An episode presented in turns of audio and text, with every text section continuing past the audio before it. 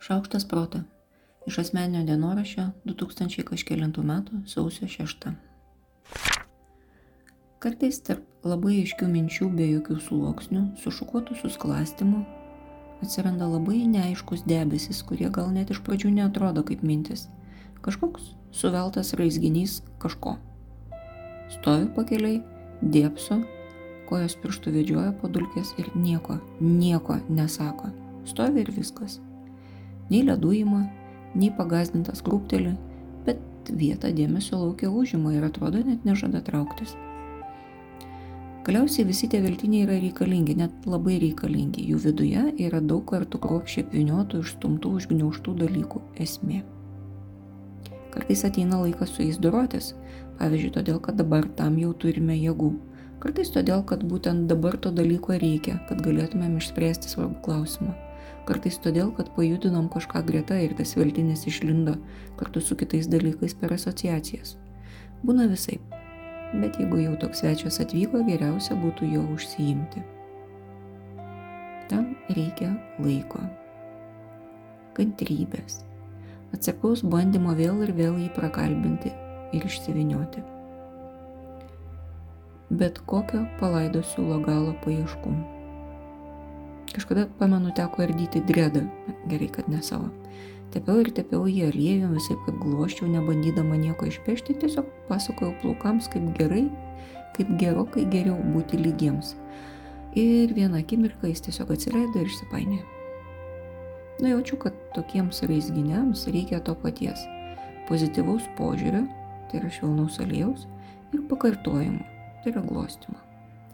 Vaikščiojimo tais pačiais pėdsakais, kuriais atėjome kitos suviltos minties ir kartojimo to, kokiais žodžiais ją galima apibūdinti.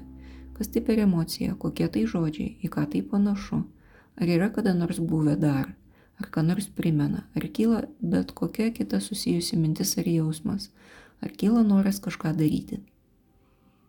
Ką galvotumėt, jei kažkas kitas jums pasakotų, kad turi tokią būseną, tokias mintis, tokius jausmus ar tokias asociacijas? Vienintelis dalykas, kurį tikrai reikėtų padėti iš šono, yra žinoma negalvoti apie tokią neaiškę mintį, nekreipti dėmesio. Sykį, o greičiausiai net ir ne vieną sykį jau tai darėme. Ir štai koks rezultatas. Bet su kokia mintimi, kuri yra nepaslėpta, neapviniota, neapvilta, galime tartis, dėrėtis, vertinti, dorotis, panaudoti, o su tokia paslėpta niekaip. Apmaudžiausia tai, kad slepiame patys nuo savęs.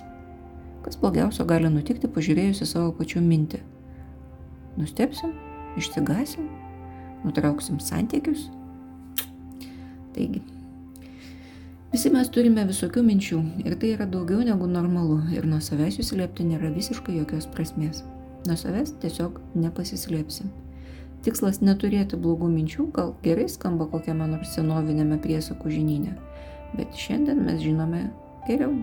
Mintis visada kyla visokios. Klausimas visada yra apie tai, kaip jas panaudojame ir kokiu veiksmu imamės. Piktis yra puikus jėgų šaltinis veikti, baime puikus jėgų šaltinis laukti. Ar teisingai jas naudojame, jau mūsų patirties ir samoningumo klausimas, bet prasideda viskas nuo to, kad visos mintis turi teisę gyventi, o tada jau renkame situacijai tinkamiausią veiksmą.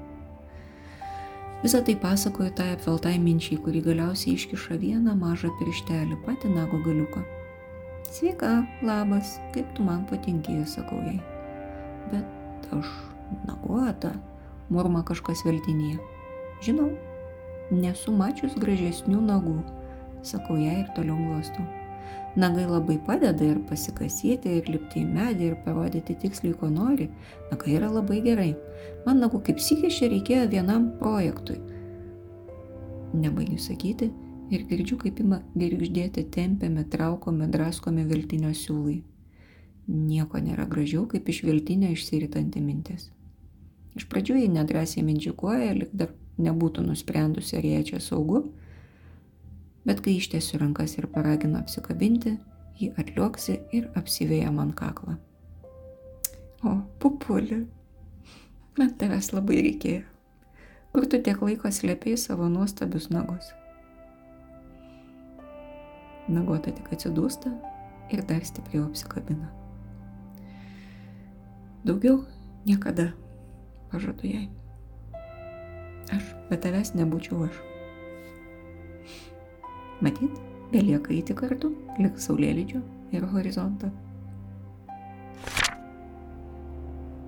Aš Monika Kuzminskaitė, sveikatos ir mytybos psichologė, padedu spręsti kasdienius ir sudėtingus elgesio, mąstymo ir emocijų klausimus. Rašau, skaitau paskaitas, teikiu psichologinės konsultacijas. Mane rasit socialiniuose tinkluose vardu Šaukštas Proto arba gyvai Vilniuje Koštuoto gatvėje. Rašykit man asmeninę žinutę socialiniuose tinkluose arba elektroniniu paštu adresu šaukštas.proto atgmail.com. Taikos ir ramybės.